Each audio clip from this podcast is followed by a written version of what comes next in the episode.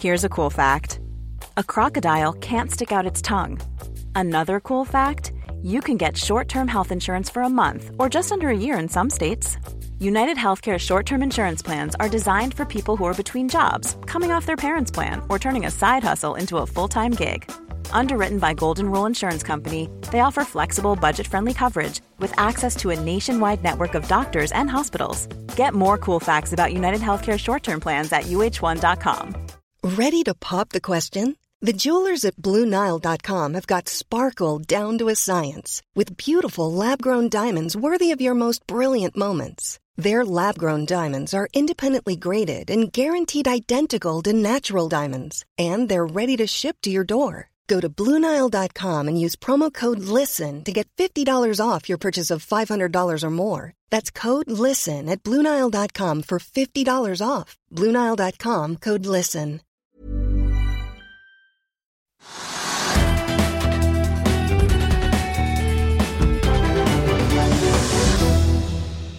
En eh, riktig god mandag og velkommen til Økonominyhetene. Det har blitt mandag 12.9. Svenskene har avholdt valg i helgen. Opptellingen så langt viser et svært tett resultat.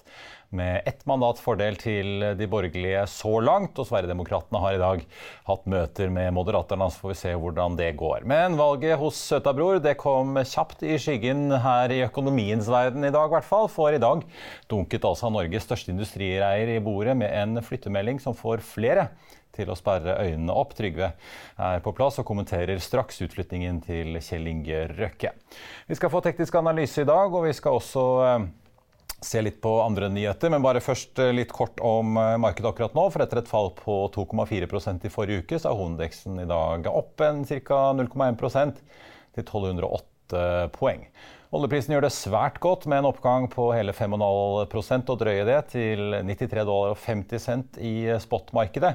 Etter at vi da i forrige uke så en oljepris da som bikket under 90 dollar fatet for første gang siden januar, samtidig som OPEC annonserte et kutt på 100 000 i sine planer. Den amerikanske lettoljen ligger også opp en 5,5 til 87,30. Rundt oss i Europa er det jevnt over veldig grønt og fint i dag. Futuresene på Wall Street peker mot en ny oppgang der, etter den oppgangen vi så på fredag på Wall Street. Seismikkselskapet TGS annonserte i dag at de har gitt grønt lys for andre fase av en stor eh, seismikkinnhenting i Mexicogolfen i USA. En fortsettelse av eh, den seismikkampanjen som de gjennomførte på østsiden av Gulfen da i 2018. Arbeidet starter eh, nå i desember og skal løpe ut i første kvartal neste år. Og skal totalt dekke 151 blokker til med seismikk, altså, noe som ifølge TGS videre med en dekning de siste årene på 550 blokker. Det er Magsize Fairfield Sheep som skal utføre datainnhentingen. Selskapet som TGS altså forsøker å kjøpe opp. Og Konsernsjef Christian Johansen peker på at eh, det er vedtaket av den såkalte Inflation Reduction Act i USA som gir dem grunnlag for å gå videre med investeringen. Det er kunder i industrien som finansierer seismikken, og TGS-aksjen er opp 0,6 i dag. Dermed er den opp nå 83% så langt i år. Mens PGS altså opp, eh, konkurrenten er opp 2,7 i dag eh, og 115% siden nyttår.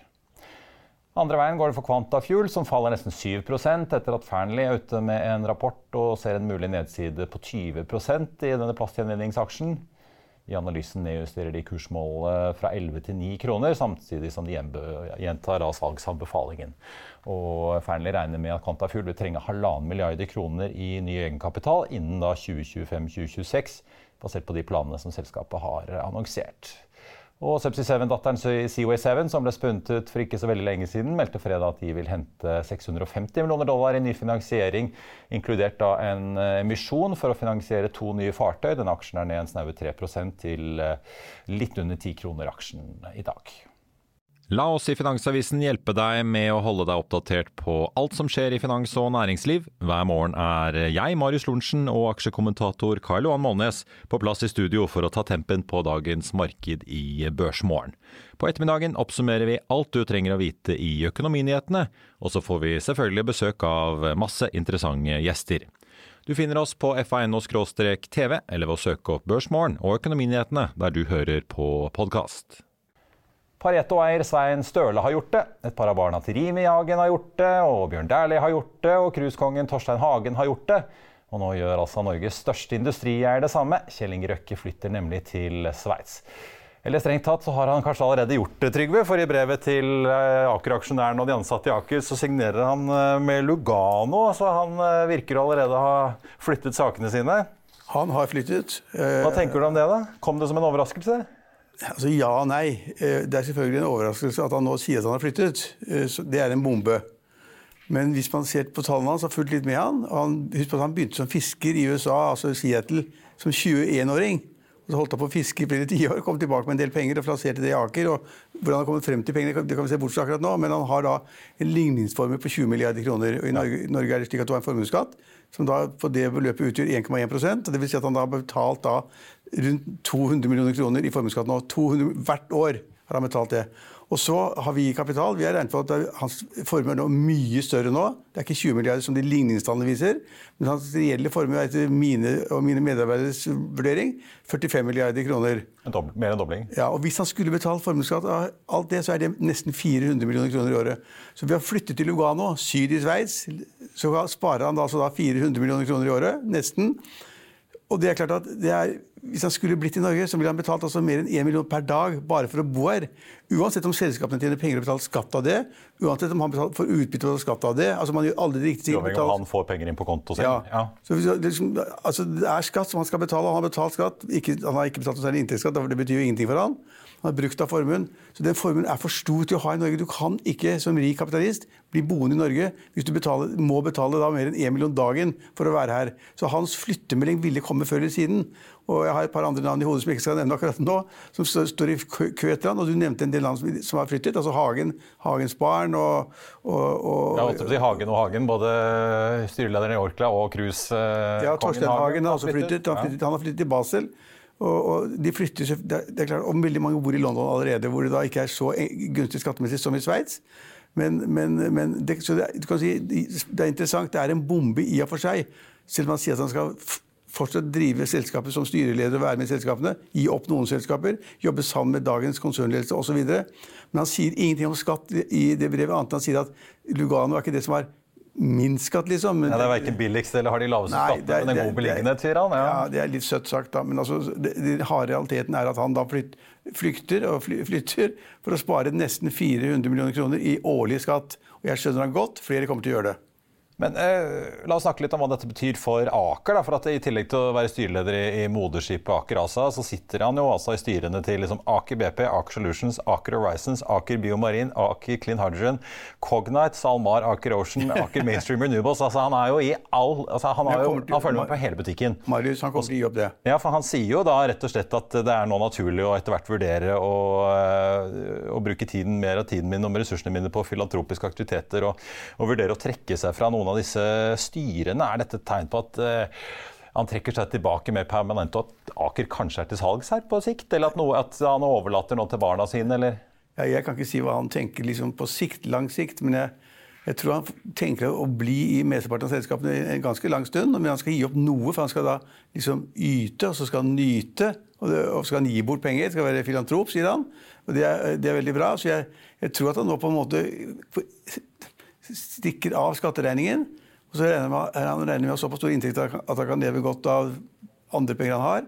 Og så har han også, det er jo helt ganske interessant å se, han har gitt bort huset sitt til kona, altså ekskona. Ja, for der skal ekskona og barna bo? Ja. ja og det huset det er jo vært, Deres felles barn, da? Ja, ja deres felles barn, og de, de har to stykker. Og det huset er jo verdt minst 500 millioner. Og Det er gave, og det er, det er gavefritt og skattefritt i Norge, så det er lurt av han å gjøre. Så han kutter ut båndene til, til, det han har i Norge. da, altså Boligen er borte, ikke sant? og han flytter til Lugano. Da har han på en måte ikke noe igjen i Norge. Han har et voldsomt sted oppe på, på Oppdal. Hva han gjør med det, vet jeg ikke, men jeg tipper at han kommer til å gi, det, gi bort det til kona eller barna. eller noe også. Så han, han, rensker liksom opp i Norge og flytter til Lugano. Skal leve ut derfra. Han sier at det er et fint sted. Det er like i Italia. Der skal han kose seg. vet du hvor mange innbyggere det er i Lugano? Nei. Ja, det er rundt 60 000. Det er ikke rare greiene. Det er en bitte liten by. Så jeg tipper han vil reise verden rundt og lære å se og lytte og sånn. Så han bygger noen ny båt, eh, holdt jeg på å si. Dette forsknings- og luksusfartøyet Rev Ocean? Det koster fem milliarder kroner, og det er ikke ferdig. og Det tar lang tid før det er ferdig, så han, der har han mye å passe på. Og da har han sagt at han skal bo med familien tre måneder i året på det skipet. Det luksusskipet, den, den yachten, det kommer han ikke til å gjøre. Det tror jeg ikke noe på. Men, men han, hans intensjon var jo da å bygge det skipet, drive det til forskning og privat bruk. Og en tredjedel skulle være privat bruk eller tre måneder i året eller noe sånt. Mm. Så, øh, så øh, det, det, er, det, er, det er- er på en måte morsomt, en bombe, men jeg syns, også det er litt trist. At de som har skapt noe veldig mye, tok de pengene hjem fra USA til Norge, bygget videre i Norge, har vært superflink. Ikke, ja, ingen skoleutdannelse, dårlige karakterer, eh, lært alt liksom, i livets harde skole. Han sa vel en gang at han hadde lært det i, i Rennesten eller noe sånt. og Det var Rennestens universitet eller noe sånt. Så jeg har kjemperespekt for han. Jeg liker han, jeg har vært mye sammen med han tidligere. Eh, Og, og Derfor er det litt trist at de, de som da på en måte har den suksessen, får verdien et eller annet yngle bedrifter til å vokse, ansette flere og flere. Altså, eh, Aker-konsernet har jo nesten 20 000 ansatte i Norge. De har like mye i utlandet. Og de har vært superflinke til å komme inn der i oljeindustrien gjennom da Aker BP, som da kom fra et oljeselskap hos Røkke, og så da har de fusjonert med BP. Eh, Og det er da et kjempeselskap som kjøpte Lundin også, de er jo kjøpte største aktør på sokkelen etter staten. ja, det er kjempestore.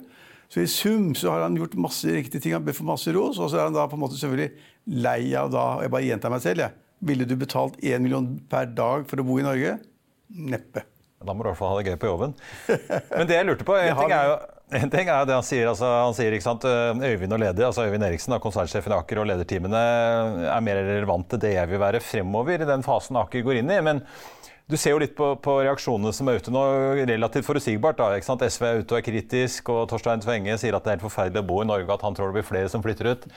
Eh, men det jeg bet meg merke i, var at konserntillitsvalgt Atle Trane i Aker sa at han var eh, på ingen måte begeistret over dette, selv om han hadde fått vite om det da i eh, forkant. Sånn, altså, historisk så har jo Røkke, selv om han har vært steinrik og driver som en kapitalist, så har han også vært på en måte en industribygger som hadde ganske sånn tett kontakt med Arbeiderpartiet, LO. Han har jo på en måte vært en del av denne store industrialliansen mellom LO, NHO og, Arbeiderpartiet. Det er ikke bare tett kontakt med Marius. Han har jo sagt offentlig for en del år siden at han stemmer Arbeiderpartiet. Ja, Han, han, det ville, han ville skaffe seg et navn i departementene og i, i, i, de, de kretsene hvor Arbeiderpartiet var, var, var i flertall. Det var litt ufint, syns jeg. da. Men det jeg lurte på da, apropos det, vi så jo på en måte hvilken innflytelse Aker hadde. De fikk jo gjennom den oljeskattepakken da koronapandemien traff i 2020. De har tidligere på en måte fått gehør når de har eh, påpekt ting som må fikses hos eh, politikerne. Mister Røkke litt av den eh, kredibiliteten nå når han melder flytting, og melder seg på en måte litt ut? Ja, Det er et veldig godt spørsmål. Jeg tror at han kommer til å få veldig mye motbør selvfølgelig fra SV og Rødt. selvfølgelig. De vil hyle og si at det er forferdelig og skammelig og man får ikke lov å reise. og De burde, betalt en egen sånn reiseskatt eller hva de måtte finne på. Det vil mange av dem si. Altså, men mange andre politikere, de litt, litt mer tyngre politikere i Arbeiderpartiet, vil nok tenke at dette er veldig synd. At disse industribyggerne som da reiser ut, det er, det er synd for landet. og De vil ta det mer med ro. Men på ytterste venstre fløy, altså der hvor da Rødt er og SV delvis er i skattepolitikken, så vil de bare håne Røkke og på en måte komme med skarp kritikk av at han da flytter ut. Uh, og det er, å forvente. Uh, men i det norske samfunn så tror jeg på en måte at han vil stå igjen, stå igjen som en liksom, skoletaper som gjorde det kjempebra, og som til slutt da ikke kunne leve med det norske skattesystemet. Han er jo ikke alene om det. Nei, men Mister han litt standing, både si, hos uh, toppen i Ap og folk flest? Så, uh, dessverre er det slik at jeg vil tippe, det er morsomt, det er morsomt å se, at også da en del Ap-topper, når de nå blir bedt om å uttale seg i en del av pressen, vil være veldig kritiske og være negative til at noen flytter ut av, ut av dette vakre landet her, for da er det jo best. De burde være her og forvalte pengene sine og betale skattene her. Eh, også Arbeiderpartikretser vil være liksom bak det standpunktet. Men det er SV og Rødt som vil kjøre beinhardt. ikke sant? Resten tror jeg vil være litt sånn reluctant, litt indifferent, og si at uh, innerst inne tenker man man forstår han. Altså, hvis du kan unnslippe en skatteregning på 360 millioner kroner i, i året, så vil de fleste tenke at det er forståelig. Kanskje får det noen til å tenke på at den formuesskatten kanskje er feil. Altså, det er ett av tre land i verden som har formuesskatt. Andre land som beskatter i utbytte, beskatter overskudd, beskatter inntekt. Alle syns det er bra. Du syns det er bra, Marius. Jeg syns det er bra, Marius. Ingen problem i det hele tatt. Men formuesskatten, å betale da masse skatt fordi at du eier noe og skaper noe, det er veldig få som forstår. Ja, Ja. det er veldig få som forstår det, faktisk. Vi får se da om Sander Norge kommer hjem igjen etter hvert, eller hva han gjør. Kom igjen. Jeg tror jeg kan Han gjør vel kanskje ikke det? For Han kommer til å selge en del aksjer også og få enda mer penger, så han har nok til alle flyene, båtene, og bilene og husene sine. Jeg tipper han skal ikke bo på hybel i Lugano. Det blir et ganske Det blir nok neppe. Nei. Men mange vil nok være interessert i hva som skjer med Aker videre. Ja da, altså Aker kommer til I og med at han signaliserer at han nå trekker seg litt tilbake og ikke ja, sitter altså, så tett på den daglige driften. Ja, men Ja. Øyvind Eriksen, altså konsernsjefen, er så nær han har jobbet sammen i 25 år. Han kan ikke melde flytting til Sveits. Han flytter iallfall ikke, det er helt sikkert. Skal vi eh, snakke litt om eh, noe helt annet, eh, nemlig Sats, som vi jo skrev om i helgen. Hvor disse analytikerne, da, inkludert Markus Heiberg i Kepler, er litt bekymret for medlemsmassen. Og strømregningen til denne treningssenterkjeden den er nest 9,6 i dag. Ja, og det var ikke uventet. fordi som du sier, Finansavisen laget et regnestykke skjematisk. da. Altså, Strømprisen er viktig for disse sentrene også. de skal dusjes, og så skal det holdes varme, og folk skal trene og kose seg. Og hvis man, Et grovt regnestykke i Finansavisen var jo nettopp det at hvis altså da strømprisen økte med en krone, så ville bunnlinjen bli svekket med 100 millioner. eller sånn. Det er ganske rått. Eh, og strømprisen kan jo øke med to og tre kroner per kilowattime. Eh, det er det ene. Og det vil jo da vare en stund. Hvis altså strømprisen holder seg høyt, så vil da på en måte inntjeningen forsvinne i Sats. Men det andre er jo det som da ah, e-, egentlig kommer fra en dag etter hvert. og det er det at Sats er et sånn typisk det er et sted du bruker penger hvis du har godt med det. Liksom, du kan betale for å trene og være der og ha det hyggelig osv. Men hvis det er litt dårligere tider, folk mister inntekten, folk blir flere arbeidsløse Folk betaler masse for bensinen, folk betaler masse for strømmen selv. ikke sant? De betaler Alt er dyrere, matprisene er dyre, alt mulig, så kan, noe vil folk bruke mindre penger på. Etter, og så kommer renten, renteøkningene. Mm. Så noe vil folk bruke mindre penger på i tiden fremover. Og da kanskje, tror jeg, at sånn som å være medlem av Sats, det er liksom første du kan kvitte deg med. Eller at du uh, skorter ned på hvor, mange, på måte, hvor store abonnement du har. Da, du kan velge å være medlem bare ett sted, eller på alle sentrene i Norge, eller hele Norden. Altså, det er jo mange måter ja, å spare på. Poeng, men poenget er at det er noe man kan spare på. Da kutte den type abonnement helt eller delvis. Det er ganske sikkert. Det er liksom den smellen at det både tar eh, strømprisen da bunnlinjen på Sats, i tillegg så vil den svekke da grunnlaget for at flere tegner abonnement. Mm. Tvert imot så de som er der allerede, vil da bruke det mindre. slik at et godt eksempel på hva man må følge med. og Enkle sammenhenger er ofte det beste. Det handles om 89 kroner. Pareto kuttet jo i dag fra kjøp til selv, og fra et kursmål da på 20 til 80 kroner. Én krone under dagens uh, kurs. Uh, Ole Martin Westgård i DNB var jo opptatt av at de må få opp medlemsmassen per klubb. Men jeg tenker sånn, det er jo... Men hvordan får hvordan skal få opp det nå? da, den tiden i første... Nei, for jeg lurer på, er, er, ikke dette egentlig litt det vi har sett med Netflix òg, som plutselig har begynt å miste abonnenter for første gang i noensinne i historien og på vei ut av pandemien? Nettopp det at folk driver og går gjennom eh, kontoutskriften og ser men, hvor er det alle lønnskronene mine blir av. Men det er før man har kommet til en nedgang i økonomien i USA. Foreløpig så det ja. liksom rekordsysselsetting. Ledigheten er lav. så for, Man har ikke sett den effekten ennå i USA, som vi kanskje frykter da i Norge. Men de får den i USA. Det blir en resesjon. Og da kanskje da begynner de å kvitte seg med noen av de strømmekortene de har, strømmeabonnementene de har. så kanskje, altså Det er veldig mange som lurer på hvorfor har Netflix mistet så mange så brått. Det, ikke, det, kan også tenkes at konkurransen i USA er ganske mye tøffere. Amazon kommer og Disney, Disney har kommet et Dis, ja, ja, altså, Konkurransen er steinhard. Det er ikke så steinhard på å trene treningsstudier, faktisk. Det kommer plutselig ser Evo sitt snitt og tar innersvingen på Sats. Vi får se hva Sondre Gravir og co. finner på. Du, En annen aksje som har fått veldig mye i dag, over 12% Bergen Bio, som jo fikk kursmålet sitt mer enn halvert fra ADNB Markets her, og, og som også tok den fra kjøp til hold. Ja, Det syns jeg er ganske interessant case å se på og lære av. Fordi at altså Trond Moen, en av Norges rikeste og uh, velgjører og filantrop og hva det måtte være, i Bergen, som gir bort liksom, milliarder årlig, holdt jeg på å si. Jeg studerte sammen med han, så jeg kjenner han litt. Han, han har jo tapt en kvart milliard på det selskapet. Og det er veldig lett å gjøre, for du kan tro på noe. at de, altså, de er, de, Dette selskapet liksom driver innen da utvikling av medisin mot kreft og andre sykdommer. Og Det må det forskes på og utredes på. og så Har du flaks, så finner du et eller annet som da hjelper deg mot en eller annen kreftsykdom eller en annen sykdom. Og kan da, da, kan selskapet selges til store internasjonale farmasikonsern, og man kan tjene mye penger. Men så er det kjemperisiko hvis det, det du forsker på, ikke fører frem. Resultatene blir dårlige. Du må avskrive alt du har investert i da, la oss si, kreftform 1 eller 2 eller 3 eller hva det måtte være.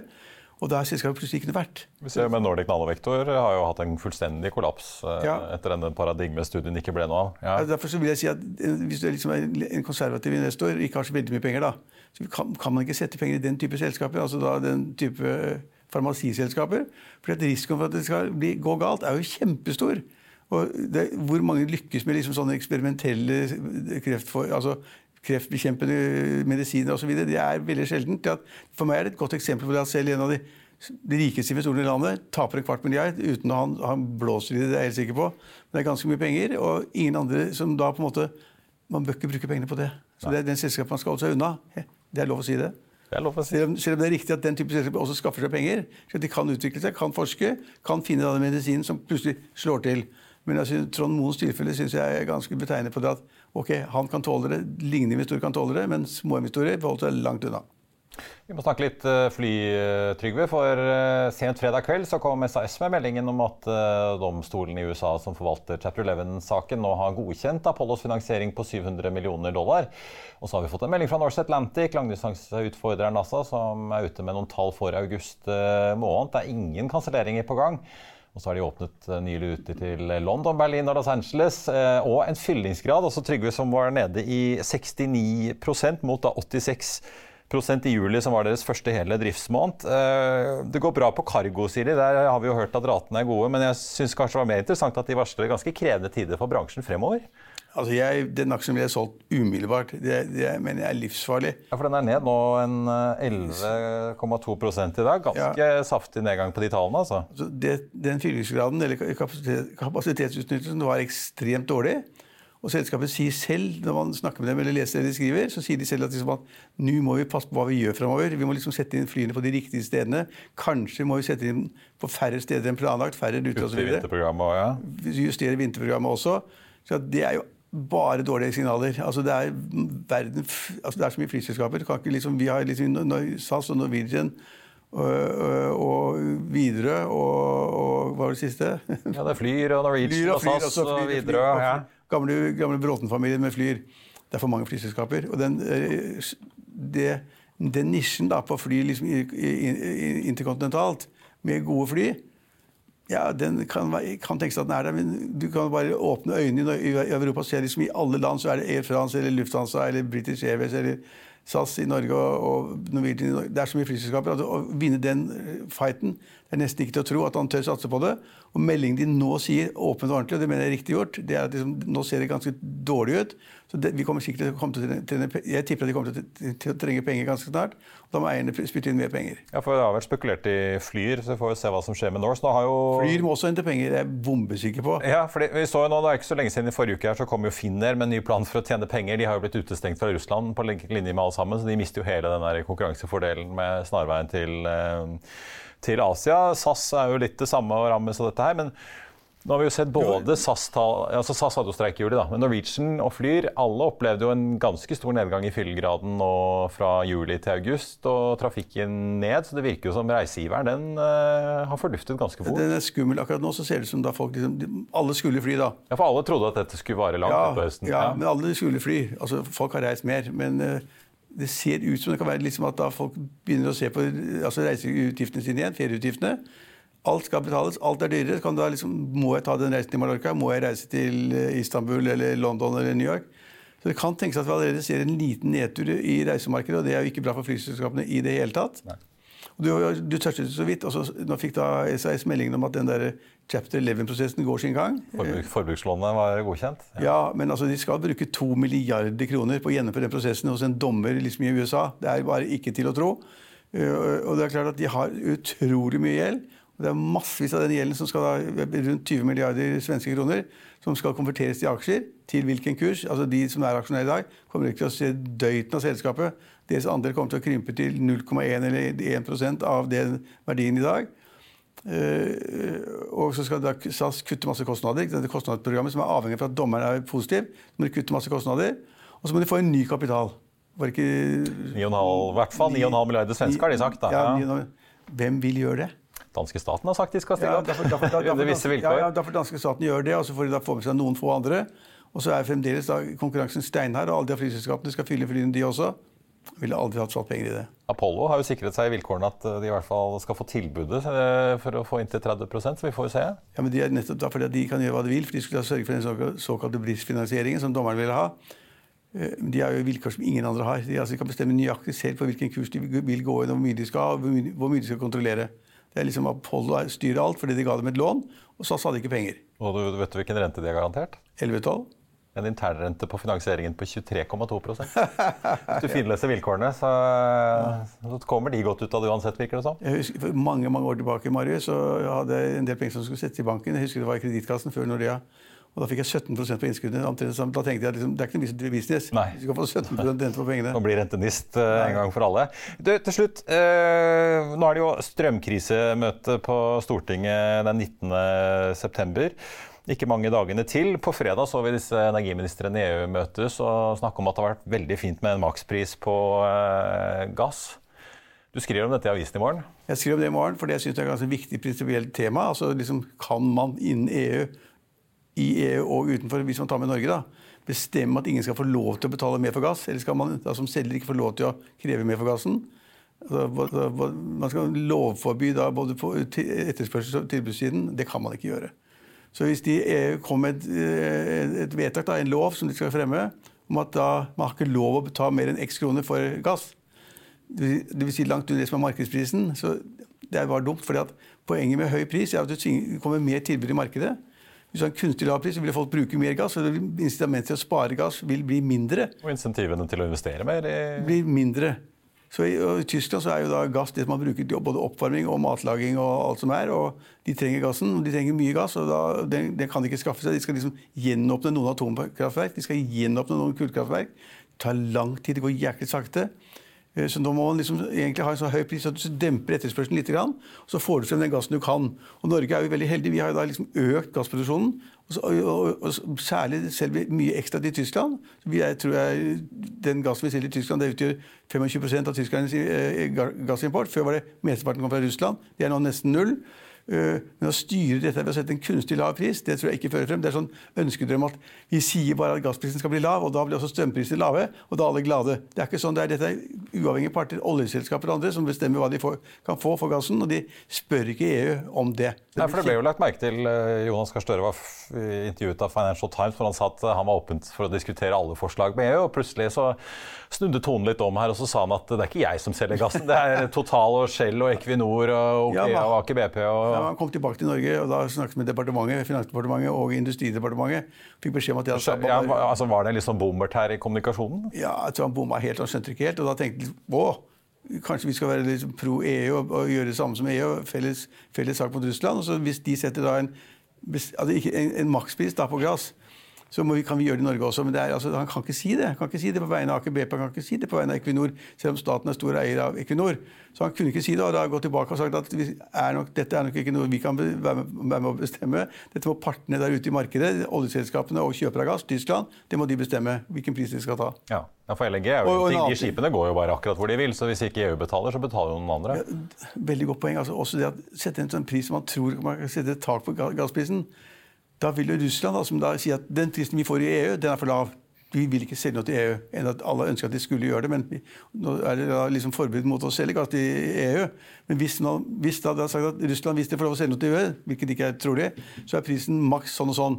Da vil jo da Russland snu seg rundt og selge den til Kina eller India eller hva det måtte være.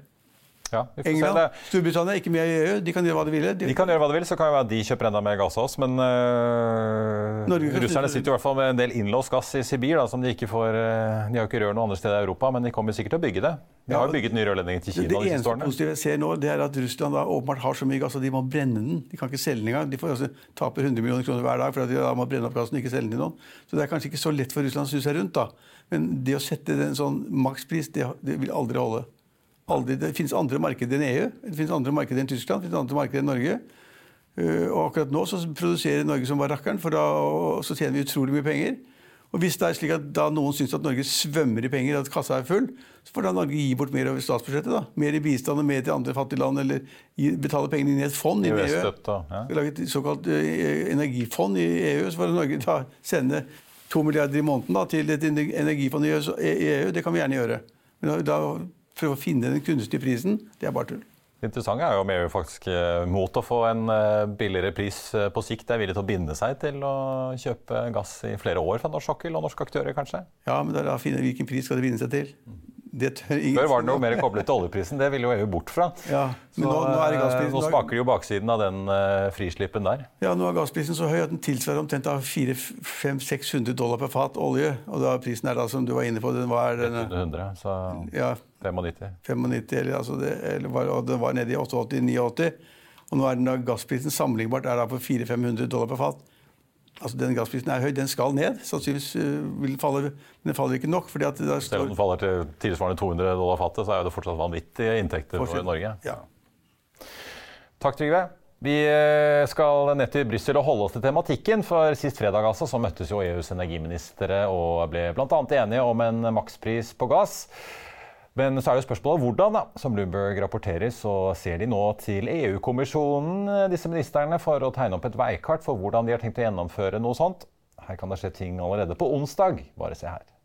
Has there been any progress? I mean, we've heard then from Olaf Scholz. He says Germany is prepared. Other voices are a little sceptical.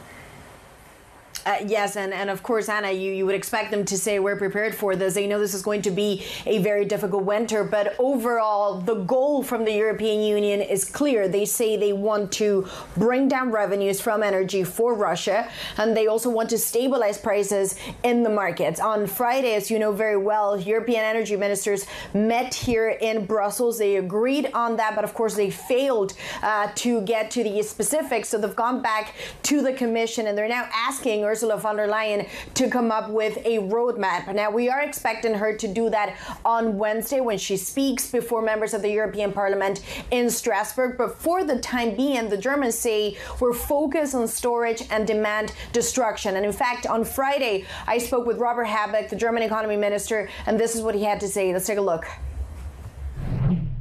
We have sent a clear signal that we will use the gas in the storages to give it back to the markets. And after saying that, it's uh, two weeks ago, the prices plumped down from 350 euros per megawatt hour down to something about 200, and then a little bit up and down. This is still a price that is too high to bear along the distance, but this is a price similar to the Asian markets. Both are too high, and the the there's still some speculation in the markets. But um, we know that we can that we are prepared to to stand the winter with the precautions we have made, and therefore the room for speculation will get smaller and smaller. And that was Robert Habeck, uh, the German economy minister, speaking to Bloomberg on Friday. And Anna, I was very struck by his language because, first of all, he was very technical. You could hear it there. He knows his subject, but also he was very defiant. He said, if you bet against Germany, you will get it wrong because we have the precautions we need and we're going to stand the winter. Of course, the jury's out on that one. Fisk- og oppdrettsserviceselskapet Frøy meldte i dag om en ny kontrakt på to serviceskip til norsk lakseoppdretter verdt av 200 millioner kroner, inkludert opsjoner. Det er snakk om en fireårsforlengelse på da kontrakten til et eksisterende skip, og en femårig kontrakt for et skip som da er under bygging. Eh, og så får vi jo ta med at disse skipene også skal utstyres med batterier for å kunne drive på hybriddrift. For de har da en totalflåte på 81 skip. Tenkte jeg bare skulle få med deg aksjekursen her. Frøy-aksjen er opp 1,8% så langt i dag. Sparebanken Markets Lars Daniel Westgård mener at Norwegians kursfall er overdrevet. Aksjen er i dag opp 2% til 760. Westgård har kuttet sitt kursmål fra 18 til 10 kroner, men gjentar en kjøpsanbefaling eh, likevel, altså, og snakker om at eh, bransjen da møter ganske mye motvind eh, fremover. Husk da at emisjonskursen i Norwegian under restruktureringen den var på 6,26, sånn at Norwegian er bare en drøy krone over det per nå, altså. Apropos fly, Avinor har kommet med sine ukentlige noen av sine ukentlige og månedlige tall i dag. De påpeker nå at ni av ti passasjerer var tilbake i august måned. På børsen nå så ser vi at hovedindeksen ligger opp 0,2% til 1210 poeng. Vi har en voldsom oppgang i oljeprisen nå på mandagen. Den oppnår opp nå 6,94 til 94 dollar og 71 cent. Den amerikanske lettoljen ligger også stødig opp altså til 88 50, ja, 88,62. og Det tikker oppover her nå. Nå ser jeg Brenten også har bikket 7 Det er en voldsom oppgang der. altså. Ingen, ingen store utslag i oljeaksjene foreløpig. Equinor ned 0,7 Vår Energi ned 3 i dag. Aker BP ned en halv prosent. Ser vi på noen av olje, de oljerelaterte serviceaksjene, så går de langt bedre med de. PGS opp 5,1% nå. Borr Drilling opp 8,3 vi får jo også ta med nå, da, som vi hadde teknisk analyse av, ned 2,2 så noe av det verste fallet er hentet inn der også. Norse Atlantic ute med sin nøkkeltall for august måned, ned 11% altså på varselet om at det blir krevende tider fremover. Aker-aksjen opp 1,6 etter da at flyttemeldingen til storaksjonær og styreleder Kjell Inge Røkke kom. Sats ligger fortsatt ned, har hentet seg litt opp fra det aller verste, men fortsatt da ned nesten 10% så langt i dag, til 9 kroner og 2 øre. På listen over de mest omsatte aksjene ellers Verdt å få med seg at uh, Yara ja, Nei, unnskyld, Vår Energi ned trea. Yara opp 1,4% Hydro opp 2,6 Frontland ned 2% DNB nesten opp 1 uh, Og så kan vi jo ta med Hafnia, da, hvor uh, storaksjonæren Oaktree solgte unna. Og uh, Sissener var en av de som kjøpte. Hafnia er ned 1,7% til 43,95. Men likevel fortsatt da nesten to kroner over salgsprisen til Oaktree. I Finansavisen i eh, morgen kan du lese Trygves leder om nei til tak på gassprisen. Du kan lese om brannsalg i Prime. Så blir det børsintervju med Lasse Klever, megler i Kepler Chevreux. Så kan du lese om hvorfor Åsulv Tveitereid selger i Protektor forsikring. Og så varmer vi opp til de amerikanske inflasjonstallene som kommer i morgen. Og de er det ikke bare vi som prøver å få med oss, det er det nok en sentralbanksjef i Washington som også gjør. Det var det vi hadde for deg her i dag, men husk at vi er tilbake igjen med Børsmorgen i morgen klokken 08.55, og deretter med Økonominyhetene klokken 14.30. I mellomtiden får du som alltid siste nytt på F1 nå. Mitt navn er Marius Lorentzen. Takk for at du så eller hørte på, så håper jeg vi ses igjen i morgen.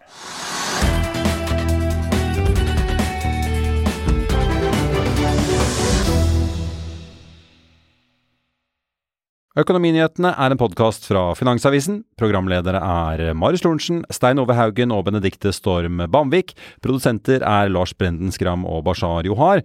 Og ansvarlig redaktør er Trygve Hegnar.